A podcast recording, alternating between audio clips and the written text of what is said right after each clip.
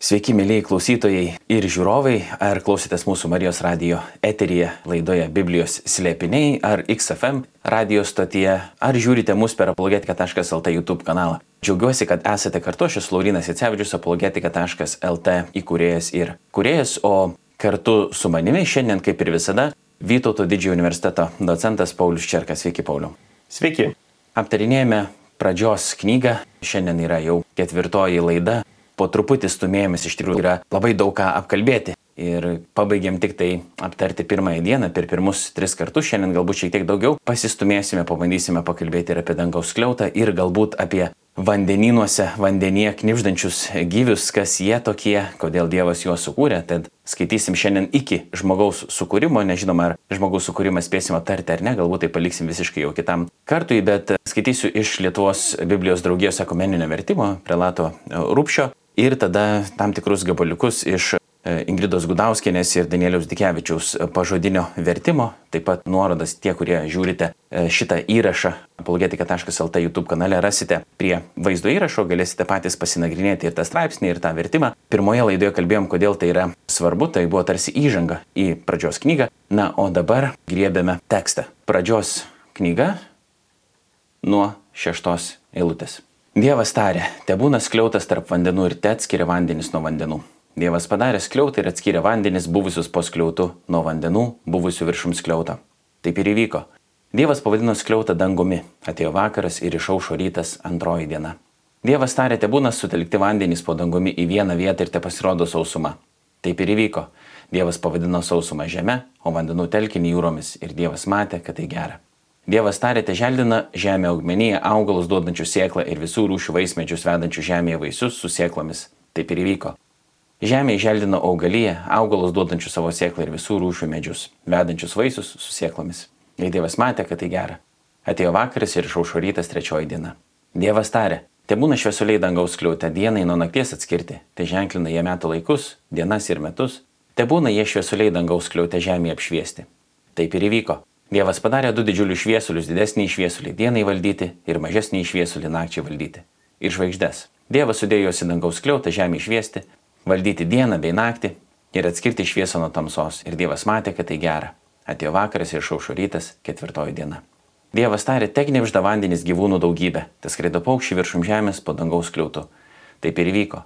Dievas sukūrė didžiuosius jūros gyvūnus bei kitus judančius visų rūšių gyvūnus, knipždančius vandenyse ir visus visų rūšių sparnuočius, Ir Dievas matė, kad tai gera. Dievas palaimino juos tardamas, būkite vaisingi ir dauginkitės, pripildykite jūrų vandenis, o paukščiai tesidaugina žemėje. Atėjo vakaras ir išaušo rytas, penktoji diena. Dievas tarėte, pagimdo žemė visų rūšių gyvūnų, galvijus roplius ir visų rūšių laukinius gyvūnus. Taip ir įvyko, Dievas padarė visų rūšių laukinių žemės gyvulius, visų rūšių galvijus ir visų rūšių žemės roplius. Ir Dievas matė, kad tai gera. Perskaičiu tokį jau netrumpą gabaliuką, bet mes sustosim ties antrąją dieną, kada yra sukūriamas tarsi toks skliautas, hebrajiškai gerai pamenu, rakyje. Ir tarsi kai kuriem atrodytų, kad tai prieštarauja moksliniam pasaulyje vaizdžiui. Mesgi skiriandami kosmosą matom, kad to jokio skliauto, bent jau kieto skliauto nėra, nėra jokių vandenų viršuje, kas tie vandenys apačioje dabar, kurie yra irgi tiksliai atskirti. Kaip reikėtų suprasti šitas vietas ir kas čia yra norima pasakyti? Iš tikrųjų, na, yra įvairių bandymų paaiškinti kaip dabartiniais akimis žiūrint mes galėtume taip suprasti.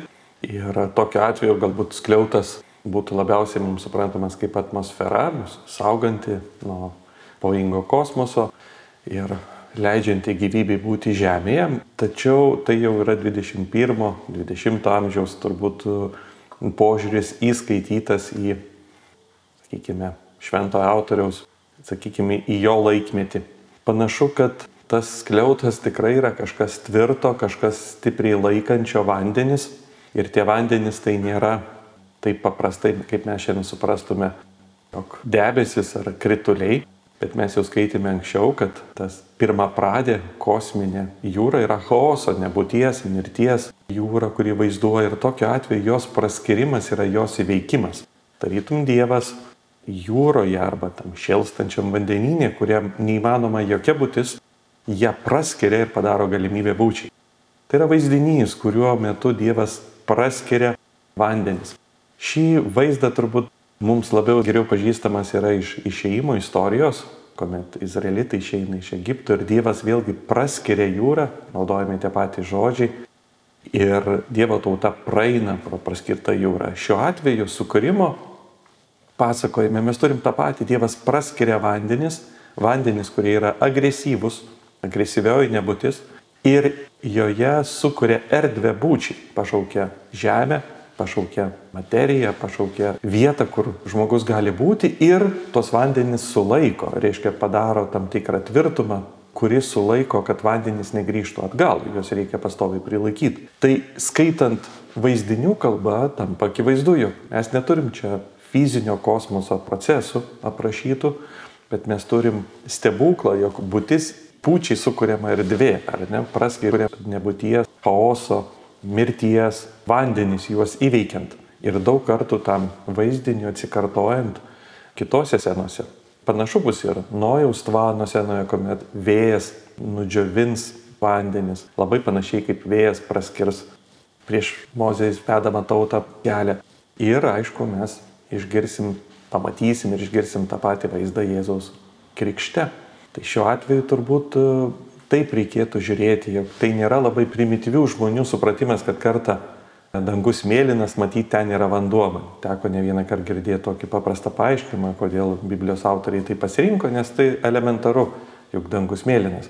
Tačiau jie iš tikrųjų mąstė labai giliai, mąstė būties, nebūties kategorijomis ir pakankamai sudėtingomis kategorijomis ir pasirinko vaizdinį, kurio mes vėlgi jau praeitą kartą kalbėjom kaip tam tikrą šventyklos statybą, kaip vaizdinys yra visas kosmosas, yra Dievo visagalio šventikla, kuri skirta jo buvimui išreikšti, parodyti, jo garbiai pasidalinti. Tai taip skaitant, na, mes matome tada pačią žinę, ką autorius mums nori pasakyti. Iš tikrųjų, galima kalbėti, kad tos septynios dienos jas galima suskirstyti į pirmas tris, sekančios tris ir septintą atskirai. Ir pirmos trys ir sekančios trys yra labai simetrinės. Pirmose eilutėse mes skaitėme, kad Žemė buvo beformė ir tuščia. Taigi pirmos trys yra nukreiptos į tą formą, yra sudalinama tam tikra tvarka, reiškia yra atskiriama, paskiriama, o sekančios trys, ketvirta, penkta, šešta yra skirtos tuštumai spręsti, reiškia jos yra pripildomos gyventojų. Tangus yra pripildoma žvaigždžių, žemė gyvūnų, vandenis taip pat atitinkamų gyvių ir viskas yra užpildoma. Tai va, pirmos eilutės, jog žemė buvo beformė ir tuščia, yra Dievo kūrimo aktu įsprendžiama pirmom trim ir sekančiam trim dienomis, jas sutvarkant ir pripildant. Taigi Dievo kūrimas yra atneša ir tvarką, ir gyvestį, ir, ir pilnatvę. Tai turbūt uh, įžanginės mintis būtų tokios. Kitaip tariant, nėra taip, kad tas senovės žmogus, senovės izraelietis tiesiog uh, ką matė, tą dainavo. Verčiant populiariai tokie posakė, ne, kad jeigu taip atrodo, tai matyt kažkaip tai panašiai ir yra. Taip pat kaip ir senovės filosofai, kai kalbėjo apie kad pirmasis dalykas arba iš ko viskas yra padaryta, pažiūrėjau, ugnis arba vanduo, tai irgi neturime omeny H2O arba tokia ugnis, kuri degina, yra ženkliai gilesnės mintis ten paslėptos, bet kažkaip tas atrodytų mūsų chronologinis nobizmas irgi yra toks terminas, kuris rodo taip, kad prieš tai gyvenę žmonės yra kažkodėl kvailesni. Jie yra labiau primityvus ir jau ką be kalbėti prieš tūkstančius metų gyvenusius žmonės, jie tik tai sugebėjo primityvius dalykus kažkokius apsvarstyti ir dabar tas progresas vykstantis reiškia, jisai veda mus į pažadėtąją žemę ir mes vis protingėjame, vis išmintingėjame, bet man buvo geriausias priminimas toks, jeigu leisi trumpą istoriją papasakosiu, man buvo 12 metų ir reikėjo prašyti rašinėlį kažkokią mokyklai. Ir rašiau aš tą rašinėlį ir atėjo mama pažiūrėti ir patikrinti, aš dabar tiksliai neatsimenu, bet pamenu tą vietą net kur sėdėjau, kai jinai tai pasakė, nes įsiminė praktiškai visam gyvenimui. Ne tiek, kad pasakė, bet jinai juokėsi dėl to, kad perskaičius mano tekstą, nes ten buvo išreikšta mintis, kad viduramžiuose gyvenę žmonės, man atrodo, kad tai buvo viduramžiai, bet kažkada anksčiau, buvo kvailesni, nes neturėjo kompiuterių. Ir taip galvojo 12 metais Laurinas. Po to, sakau, ta mintis man įstrigo labai, bet atrodo taip, kad nemažai žmonių vis dar taip galvoja, kad tas žmogus, kuris buvo seniau, dėl to, kad jis neturi tiek technologinės pažangos, jis yra kažkoks kvailesnis ir dėl to mato mėlyną dangų, galvoja, ten pakabintas kažkoks vanduo, yra iš tikrųjų vat, skliautas ir kitaip jisai mąstyti negali. O iš tiesų, kaip minėjot, mintis čia yra ženkliai gilesnės, kurias mes ir bandom atkapstyti, dėl to matyti ir laida vadinasi Biblijos slėpiniai. Ta žodis pats tvirtuma, kuris nekartą minėjo, tai e, galbūt tiesiog galima pasakyti, kad e, nors ekumeniniam vertime yra skliautas parašyta, mums gal suprantamesnis kažkoks terminas, bet pažodžiui, jau minėtų mano mokslininkų vertime tai ir yra tvirtuma. Tai ir sakė Elohim, te būna tvirtuma viduryje tų vandenų. Ir te būna atskirti, te būna atskirianti tarp vandenis nuo vandenų. Ir darė Elohim tą tvirtumą ir skyrė tarp tų vandenų, kurie apačioje tos tvirtumos ir tarp tų vandenų, kurie virš tos tvirtumos ir buvo taip. Pabandom pažiūrėti, kas dabar toliau galėtų būti mums įdomu ir e, galbūt vieną mintį dar prieš einant prie tų gyvūnų, kurie gyvena jūrose. 11 eilutė parašyta taip, Dievas tarėte želdino žemę augmenyje, augalus duodančių sėklą ir visų rūšių vaismedžius, vedančių žemėje vaisius su sėklomis. Taip ir įvyko, žemė želdino augalyje. Daug kas atkreipė dėmesį tai, kad Dievas augalijos nekuria taip betarpiškai. Jisai taria ir žemė kažkaip išželdina tą augaliją. Kitaip tariant, prieš tai Dievas kuria dalykus atskirai visus, o čia jau yra pavedama žemė tą augaliją sukurti ar išželdinti. Ar čia yra kažkokia mintis, prie kurios mums vertėtų daugiau sustoti ir, ir tai aptarti? Iš tikrųjų, hebrajiškam tekste, tiek pirmam pasakojime, tiek antram pasakojime mes turime ir skirtingus hebrajiškus žodžius ir šiek tiek skirtingus aprašymus kūrenčio Dievo. Pirmoje lūtė mes perskaitėme, kad Dievas sukūrė dangų ir žemę ir ten hebrajiškas žodis bara, reiškintis tą kūrimą, kuomet kažko nebuvo ir jis yra, bet yra ir kiti žodžiai, kaip Dievas padarė, suformavo, Ir antram pasakojime mes skaitysim, kad tarytum žiedė iš molio, tarytum lipdė kaip menininkas žmogų. Ir taip pat ir čia matom tam tikrą procesą, jog žemė sudalyvauja šitam procese, jog tai tie dalykai atsiranda jau dalyvaujant žemėje. Dievas leidžia tarytum vieniem kūriniam sudalyvauti kitų kūrinių kūrime. Tai nereiškia, kad Dievas kūrė per kitus, Čia labai svarbu pabrėžti, kad Dievo kūrimo aktas yra betarpiškas, bet jis kurdamas tarytum leidžia sudalyvauti kūrime, o šiuo atveju žemėje. Tai yra labai svarbus akcentas parodyti, jog nėra tik tai vienos formos, kaip Dievas kūrė. Dievas kūrė tarytum įvairiai, plačiai ir pašaukdamas būti iš nebūties ir vėliau tą, kas yra pašaukta, formuodamas, darydamas, tarytum leisdamas laikę išaukti į tam tikrą galutinę būseną. Ir čia ir Augustinas pastebėjo, kad Dievas nors kuria augmeniją, tačiau pašaukė žemę ją išauginti, tai yra procesas, kuris užtrunka ir yra sėklos, iš kurių dar tie augalai turi užaukti. Nėra taip viskas paprasta, kad jie tiesiog atsiranda, jie reiškia užauga. Kita vertus, dabartiniai biblistai nagrinėjantis labiau tekstą, labiau pasakojimą, pastebi, kad čia nutapyta augmenija yra labai panašiai žmonės visom savo savybėm. Jie tiesiog tarytum žmonės pavadinti medžiais ir mes ne vieną kartą pradžios knygoje e, sutiksime medžius, sekančiam skyriuje sutiksim gyvybės medį, gerio ir blogio pažinimo medį. Ir medžio tema nuolat mus lydės, nuojus statys laivą iš medžio, Moze bus išgelbėtas medžio arkoje, Moze bus prie degančio krūmo, kuris hebrajiškai būtų medis, tik lietuvių kalboje mums tenka naudoti krūmas, bet tai atitiktų tą kategoriją medžių taip, kaip jie yra hebrajų kalboje suprantama. Tai medžio klausimas, jis nuolat, nuolat mūsų lydės. Abromas prie medžio sutiks angelus ir patį viešpatį. Tai va, jau čia mes jį, tartum, jis yra su mums supažindinamas ir mes pamatom, kad tie medžiai nėra tokie tiesiog paprasti medžiai. Jie tarytum ir žmonės atvaizduoja ir atvaizduoja tai, per ką Dievas prisilies prie žmonių. Įdomus vaizdinys. Jose yra sėkla ir jie vėlgi veda vieni kitus, nu, toks vaizdinys, kuris pirmą kartą susitinkam ir jau mums tai primena kažką daugiau negu vien tik augalas. Galbūt dar galima atkreipti dėmesį į tos šviesulius danguje. 16 eilutėje parašyta, Dievas padarė du didžiulius šviesulius, didesnį šviesulį dienai valdyti ir mažesnį šviesulį naktį, nakčiai valdyti ir žvaigždės. Vėlgi, kai kurie kaltina šitą tekstą, kad jis yra itin antropocentriškas, kadangi galiausiai sukūriamas yra žmogus, tie šviesuliai yra žemėje, žemė yra žmonėms skirta gyventi, bet tų šviesulių yra begalės danguje. O čia tarsi du tokie yra išskiriami, kurie visatos mastais būtų visiškai mažyčiai ir ar verta apie juos ir kalbėti. Tad vienas dalykas, galbūt ta koncentracija į tos du šviesulius Ir mes puikiai žinom, kad nėra taip, kad čia menulis valdo naktį arba saulė valdo dieną. Tam tikrą prasme galbūt, ne, tai būtų galima pasakyti, bet žmonėm kyla klausimų. Ir kitas dalykas dėl tos tvirtumos, kad Dievas įdėjo tos šviesulius į tvirtumą. Kokiu būdu tada irgi tai reikėtų suprasti, nes jeigu prieš tai dar galėjom pateisinti, kad čia tikrai yra vaizdinių kalba ir čia yra giliau ir rimčiau, bet dabar atrodo, kad ne, gal mes čia kažką bandom išlaužti tokio, ko nėra, nes čia parašyta aiškiai, kad Dievas šviesulius įstatė į tvirtumą. Ir prieš tai žmonėms taip gal ir atrodė, kad jie ten kažkur kaba, o dabar mes jau suprantam, kad yra visai kitaip.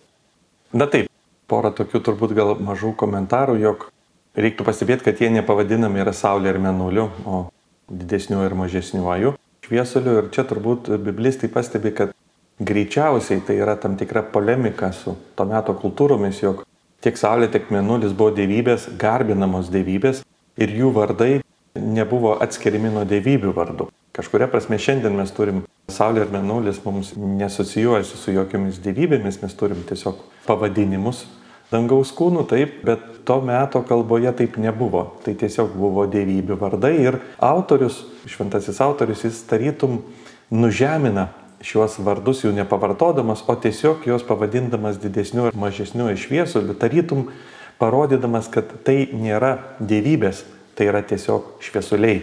Tai yra tam tikras žaidimas kalbos, kuris apeliavo į, na, to meto supratimą ir su juo, sakykime, diskutavo, parodydamas, jog tiesiog tai yra gamta, ar ne? Va, toks gamtinis tarytum požiūris į tos šviesulius, nes žmonės juos laikė dievybėmis. Tai turbūt viena. Kita vertus, visas pirmas skyrius turi kitą tokią temą ir vėliau pradžios knygoje mes ją susitursim, yra valdymo tema. Ne, štai čia mes turim dangaus kūnus, kuriems skirta valdyti, o vėliau mes išgirsim, kad žmogus bus pašauktas valdyti viską.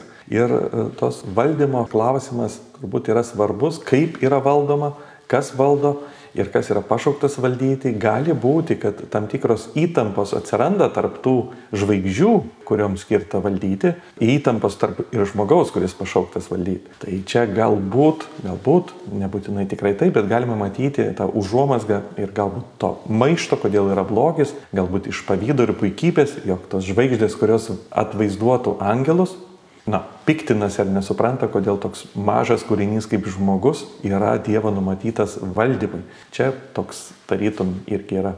Formuojasi jau įtampos, Dievas sukuria didingus kūnus, jie yra žymiai didingesni už žmogų, jiems skirta valdyti, bet vėliau pasirodys scenoje mažasis žmogus, jaunasis kūrinys, jaunėlis, kurį Dievas pašauks į pilną valdymą visako ir toks labai netikėtas ėjimas. Galbūt iš žvaigždžių pusės atsiranda įtampa, kodėl taip. Čia viena vertus mes kalbam apie tarytų mums pažįstamus gamtos elementus, kita vertus vaizdiniuose turbūt mes matom dangiškas būtybės, angelus, kurie irgi valdo ir dalyvauja Dievo valdymą kaip jo kūrinijos valdymą.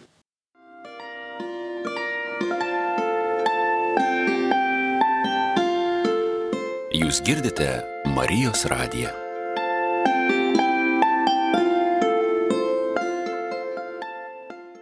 Džiaugiuosi, kad esate kartu, aš esu Laurinas Jacevičius, apologetika.lt įkūrėjas ir kūrėjas, o kartu su manimi šiandien, kaip ir visada, Vytauto didžiojo universiteto docentas Paulius Čerkas. Toliau jų viena tokių įdomiausių vietų matyti šitame tekste, dar prieš pradedant kalbėti apie žmogų, tai tie gyvūnai. Aš paskaitysiu kelias eilutes iš vieno ir iš kito vertimo ir pabandysim aptarti. Nuo 20 eilutės. Dievas tarė, tek nepžda vandenys gyvūnų daugybę, te skraido paukščiai viršum žemės po dangaus kliūtų, Taip ir įvyko. Dievas sukūrė didžiosius jūros gyvūnus bei kitus judančius visų rūšių gyvūnus, knipždančius vandenyse ir visus visų rūšių sparnuočius. Ir Dievas matė, kad tai gera. Dievas palaimino jos tardamas, būkite vaisingi ir dauginkitės. Pripildykite jūrų vandenis, o paukščiai tesidaugina žemėje. Atėjo vakaras ir išaušo rytas, penktoji diena. Dabar iš Gudauskins ir Dikevičiaus vertimo. Ir sakė Elohim, tegul kirba tie vandenys, kirbelinas gyvasties gyvos ir skraidūnas tegul skraido nuo to žemės iki veidų tvirtumos tų dangų. Ir kūrė Elohim tas pabaisas, tas didelės, ir visą gyvastį, tą gyvą, tą šliaužinčią, kuri siurbino tos vandenis pagal rūšį jų ir visą skraidūną, sparną pagal jų rūšį jo, ir matė Elohim, kad gera. Ir laimino jos Elohim tarti, kad neškite vaisių ir dauginkitės, ir pripildykite tuos vandenis tose jūrose, ir tas skraidūnas tegul dauginasi toje žemėje. Ir buvo vakaras, ir buvo rytas, diena penkta. Visas kirbelinas, knipždančių, kirbančių gyvūnų, siaubūnų, pabaisų, kažkam gal iškyla ir levietano vaizdinys. Kas čia dabar dedasi, Pauliu? Taip, netikėtas posakis, jog mes matome Dievą sukuriant jūros pabaisas arba drakonus. Žodis, kuris čia panaudotas, yra tanin ir iš tikrųjų gali reikšti ir pabaisą, drakoną ar kažkokį tai didingą reptiliją gyvenančią jūroje. Kartą mes jau žinom, kad jūra yra tas chaosas, nebūtis, tai atsiranda, kad ir egzistuoja tam tikri monstrai, kurie gyvena toje nebūtyje, norintys į ją įtraukti, ar ne? Tai yra tam tikra jėga, kurie ta nebūtis atakuoja gyvius gyvenančius žemėje. Ir tikriausiai mes tikėtumėmės, kad Dievas turėtų, na, sunaikinti tokius gyvius arba bent tikrai jų nesukurti. O štai čia pasakojime mes matom, kad jie yra sukūrėmi ir kartą Dievas juos sukūrė, jis juos valdo. Tai netikėtas, na, toks sprendimas, nes to meto kultūrose dažniausiai buvo tik vienas supratimas, jog tautos turėjo supratimą apie tos drakonus gyvenančius chaose, bet dažniausiai tai dievai jos turėdavo kažkaip su jais ilgai kovoti ir juos įveikti. O štai hebrajai atneša kitą požiūrį, jog Dievas panaudoja jo savo tikslam. Jos sukuria, jie nėra kažkaip tai alternatyviai egzistuojantis, jie nėra kitas pradas būties, taip, tai yra paties Dievo sukurtas, sakykime, daiktas ar reiškinys ir jis yra Dievo reiškia panaudojimas kažkam. Tai yra vienintelis Dievas savo vaizdą gali panaudoti blogą, kuris įvyksta, skirtingai negu kiti dievai. Ir dažniausiai mums atrodo, kad ko jau ko, bet blogio Dievas panaudoti negali. Štai čia pasakojime mes matom, kad gali, jis jį ir suvaldo ir panaudoja.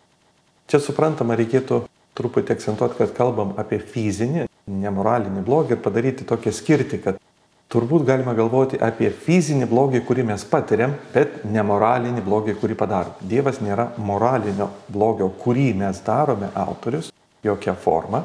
Jis nėra nuodėmės autoris jokia forma, bet tai, ką mes patiriame, kitų žmonių gal padaromą blogį, ar tiesiog gamtoje egzistuojantį fizinį blogį, yra kitas dalykas. Tai Dievas tikrai panaudoja ir jo apvaizdą gali naudoti, kad būtų daugiau gėrio. Reiškia, Dievo išmintis ir pasirodo tuo išmintinga, ir Dievo galia pasirodo tuo galinga, kad jis gali gėrį išgauti, panaudoti slėpingų būdų, tarytum, iš pirmo žvilgsnio blogus dalykus. Bet jų buvimas gali pasitarnauti gėrį. Tai čia darom skirti tarp moralinio blogio, kurio autorius Dievas tikrai nėra, ir su fiziniu blogiu, kurį mes patiriame, būdami kūriniai, netobulumą, įvairiomis formomis, trūkumą kūrinio ir kitus dalykus ir tuo būdu bręstame ir tobulėjame. Reiškia, čia mes matome, kad kūrinyje, nors yra pilnai gera, nėra pilnai užbaigta jai reikalingas tam tikras vystimosi procesas ir va štai tam procesui bus panaudotas šitas levitanas. Galim paskaityti turbūt psalmisto autoriaus 74 psalmiai sukūrimo sceną apdainuota štai tokiu būdu nuo 12 iki 14 eilutės. Juk Dieve mano karaliau nuo seno tu laimėjai mums daug pergalių mūsų krašte. Savo galybę tu perkirtai jūrą, sutriuškinai jūros pabaisų galvas Tu sutraiškė levitaną ir pašėrė jo kūno tyrų žvėris. Tai šį kartą kūrimo istorija yra tarytum Dievas sutraiško levitano galvas, bet nebūtinai tai yra kovos sena, tai yra valdymo sena. Jis valdo levitaną, jis jį sukuria ir atėjus laikui ir sunaikina. Jis jį panaudoja tam, kam norėjo panaudoti. O jūra yra perskirta. E, tai reiškia, jūra taip pat yra ta chaoso jėga, bet Dievas ją labai lengvai perskiria, perskrodžia, nugali, sutramdo ir panaudoja tam, ką jis nori panaudoti. Tai šiuo atveju izraelitų idėja, jog Dievas naudoja tokius procesus, fizinio blogio procesus, yra buvo neįprasta. Ir šiandien mums neįprasta, mes dažnai norime tokio tobulesnio pasaulio, mes norim, kad Dievas būtų sukūręs tokį saldų pasaulį, taip mes įsivaizduojam tam tikrą tokį na, idealistinį rojų iš karto pasiekusi savo na, tobulumą, bet e, panašu, kad jei mes iš karto gautume tobulumą, tai, kažin ar tai dėrėtų su tam tikro vidinė branda. Taip kaip neįmanoma sukurti čempiono, ar ne, kuris iš karto gautų aukso medalį, jis turi laimėti kažkokią kovą, kad jį gautų, nes jeigu žmogus gimtų iš karto apdovanotas medaliais, tai ko verti tie medaliai būtų. Tai kažkuria prasme ir kūrinyje reikalinga erdvė vystytis, reikalinga įtampa, reikalingas skausmas, pasakykime taip, ir automatiškai reikalingas tas levitanas, kuris tą skausmą sukelia. Tai vad žydų atnešta idėja buvo labai neįprasta, jog Dievas valdo tas jėgas, kurios sukelia skausmą ir jos panaudoja geram ir atėjus laikui jas taip pat ir sunaikina. Bet tos jėgos nėra sakykime, tai nėra, kad jam netikėtos ar ne su jo kovojančios. Priešingai, jos kovoja su kūrinyje, bet ne su Dievu.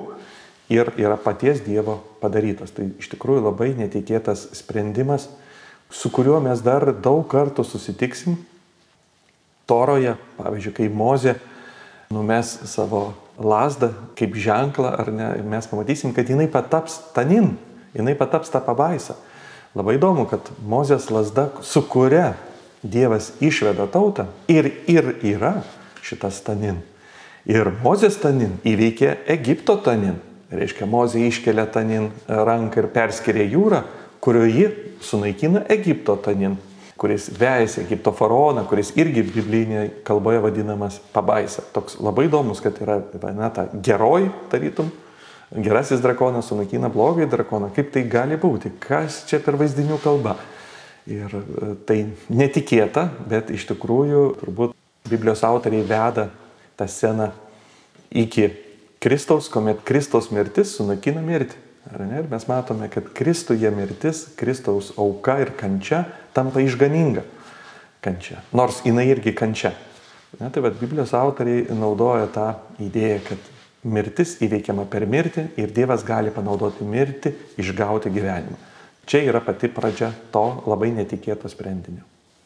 Kai kurie apie Leviataną ir šiaip tas jūros būtybės kalba kaip apie visiškai tikrus gyvius. Kitaip tariant, kad e, dabar jeigu gerai išnagrinėtam galbūt viduržėmį jūrą, kuri skalauja Izraelio krantus, tai galbūt tenais ir atrastume tą leviatan, arba gal jis gyveno kažkada senai, bet iš tikrųjų jis gyveno toks e, dinozauras, kai kurie sako net plezijozauras, čia galėtų būti kažkas tokio panašaus, jis įvairių tokių yra pasvarstymų.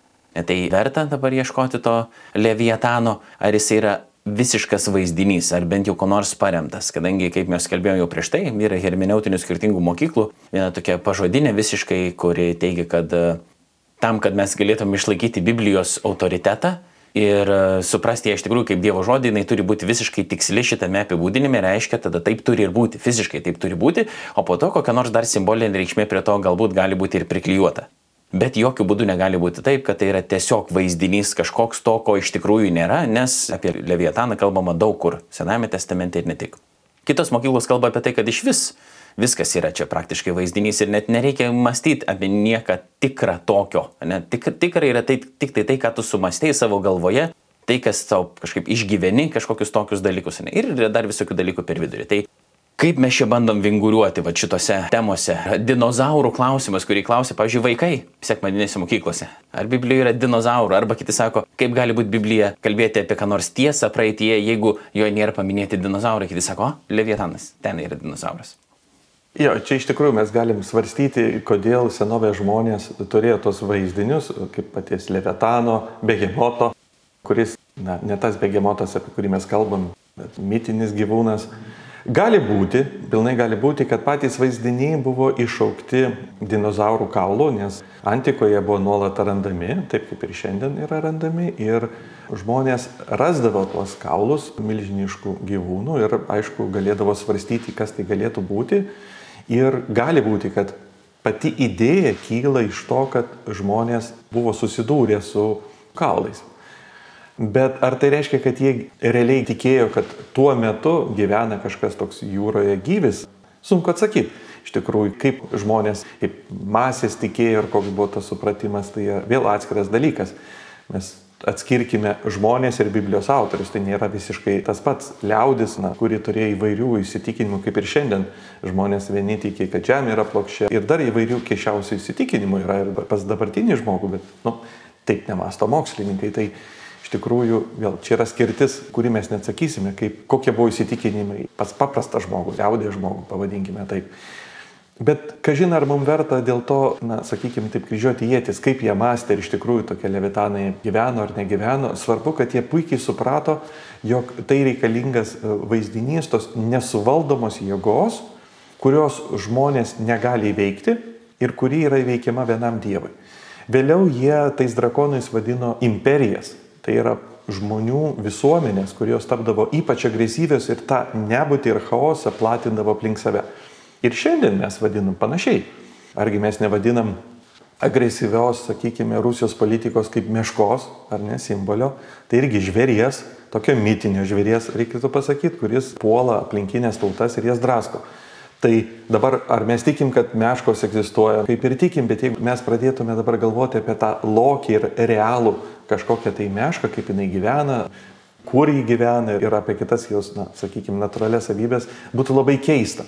Reiškia, jeigu šiandien karikatūroje pamatėme kokį nors piešinuką, kuomet meška drasko ten Ukrainą, ar ne? Tai ir kažkas pradėtų aiškinti, o tai kaip tos meškos iš tikrųjų, reiškia, kokia spalva jos kailis yra ir koks jos dydis. Ir tie klausimai rodytų, kad apie ką mes kalbam, ar, nu, kažkaip, ar žmogus suprato vaizdinį, kurio buvo pasakyta. Tai va, kad čia nėra kažkokios specialios rušies gyvis ir nereikėtų taip jo sukonkretinti. Tai va, kalba.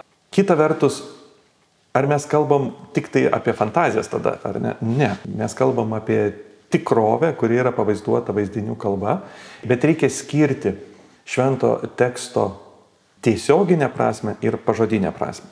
Tiesioginė prasme iš tikrųjų yra labai svarbi, jie statomas visos kitos prasmes. Tomas Akvinėtis pabrėžė, kad neįmanoma kalbėti apie alegorinės prasmes, jeigu mes nesuprantam tiesioginės. Bet tiesioginė prasme nėra literalistinė tokia techniškai pažodinė prasme. Tiesioginė prasme priklauso nuo stiliaus, nuo, jeigu tai yra poetinė prasme, tai reikia įvertinti taip, kad kalba poetas, taigi ta tiesioginė prasme vėlgi reikia atsižvelgti, kokiu stiliumi yra pasakyta. Tai va tiesioginė prasme nėra techniškai pažodinė prasme.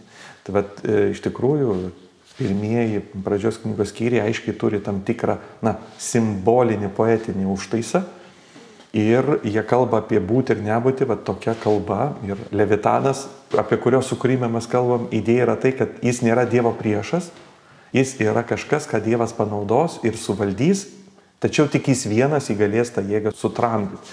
Bet žmonės gali susiburti ir tapti to Levitano, pavadinkime, agentais, kaip imperijos ne žmonių visuomenės Ir priešingai, galima būti tie, kurie melžiasi, kad Dievas jį suvaldytų ir per tą kančią mūsų brandintų, kurią sukelia Levitanas. Tai šiuo atveju turbūt tai svarbiausia, kad mes turim suprasti, kas to norėtų pasakyti. Aš taip.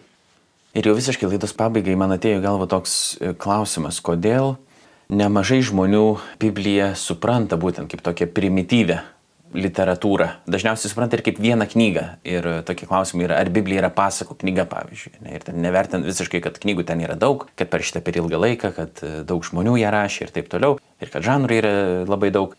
Kaip pačiam atrodytų, nes čia sunku aišku įvertinti, čia reikėtų kažkokią daryti, nežinau, sociologinę apklausą ar bandyti kažkaip įlysti į žmonių galvas ir pažiūrėti, ar žiūrėti, kokie istoriniai procesai vyko, bet kad tikrai šio laikiniam žmogui, tokiam netgi paprastam lietuviui, Biblija atrodo kaip kažkokia pasakų knyga, kurią net neverta jos yra net vartyti. Kai kurie žmonės man irgi yra tai pasakė, kad, nu, aš neturiu laiko tos Biblijos paskaityti, sakau, bet žinai, kad biblinė pasaulyje žiūrė yra, kaip sakyti, ant jos yra pastatyta visa mūsų civilizacija iš principo. Ir, sako, aš neturiu laiko. Yra ženkliai geresnių tekstų ir kažkaip nesusiveda galai. Vis dėlto Biblija yra primityvi knyga, o jeigu paklausai, kodėl, tai nes taip yra. Tiesiog taip yra. Man nereikia net skaityti, man nereikia net domėtis. Tai kaip pats įvardintumėt šitą, šitą tokį požiūrį, kodėl taip yra? Na, pirmą turbūt galima tikrai suprasti, nes ypač mes skaitome pirmąjį Biblijos puslapį ir aiškiai matom, sakykime, jei tikrai pažodžiui priimtume tą tekstą, mes na, matytume dabartinio žmogaus akimis gan labai primityvų tarytum pasaulio supratimą, kuris, reiškia, yra kažkoks plokščia žemės, laikanti ant vandens pastatyta ar ne, kur drakonai plaukėja ir dangus atskirtas kažkokia tvirtuma ir ten yra vanduo. Na, tai tikrai skamba vaikiškai, bet jeigu mes permastom dar kartą, kas tuo norėta pasakyti ir dar kartą susimastome apie mūsų gyvenime esančius procesus, apie skausmą, kurį išgyvenam, apie imperijas ir žmonių visuomenės, apie būti ir nebūti, kodėl kažkas yra ar nėra, staiga, jeigu mes pradedam užduoti tos klausimus, kodėl Dievas leidžia blogai būti ar ne ir panašiai, tada mes suprantam, kad e, taip užduodant klausimą, Šitie tekstai yra labai prasmingi ir gilus. Ir tiesiog tai yra gražia vaizdinių kalba, šventyklos statybos kalba, būties pagrindo paremimo kalba, Dievo visagalybės kalba, kuris valdo visą, kas yra įvairiopus, įvairias būtis gyvius, tos, kurie išreikšti. Na, staiga tai tampa sudėtinga knyga. Na, gerai, paimkim Platono alegoriją oloje esančių žmonių, ar ne, kurie sėdi, nemato, reiškia, šviesos ir mato tik šešėlius ir iš tos salos išeina į tikrovę ir susiduria su šviesa ir toliau grįžę bando kažką pasakyti, ar ne? Daugelį mums žinoma yra šitas pasakojimas. Vėlgi, jeigu jį skaityti kaip pasaka, tai atrodo naivu ir neįdomu. Bet jeigu supranti, kad tai rašo vienas didžiausių žmonijos mąstytojų ir perteikia labai svarbę žinę, kaip mes pažįstame pasaulį, kiek mes realiai jį žinome, tai staiga tai tampa jau nebe pasaka, o vaizdinys, su kuriuo mes susipažįstam su iš tikrųjų tikrai tikrovė. Tai aš sakyčiau, tais akiniais skaitant Biblijos tekstą, mes matome, kad jis yra labai sunkus, labai gilus ir nuolat prie jo norisi grįžti ir giliau jį suprasti.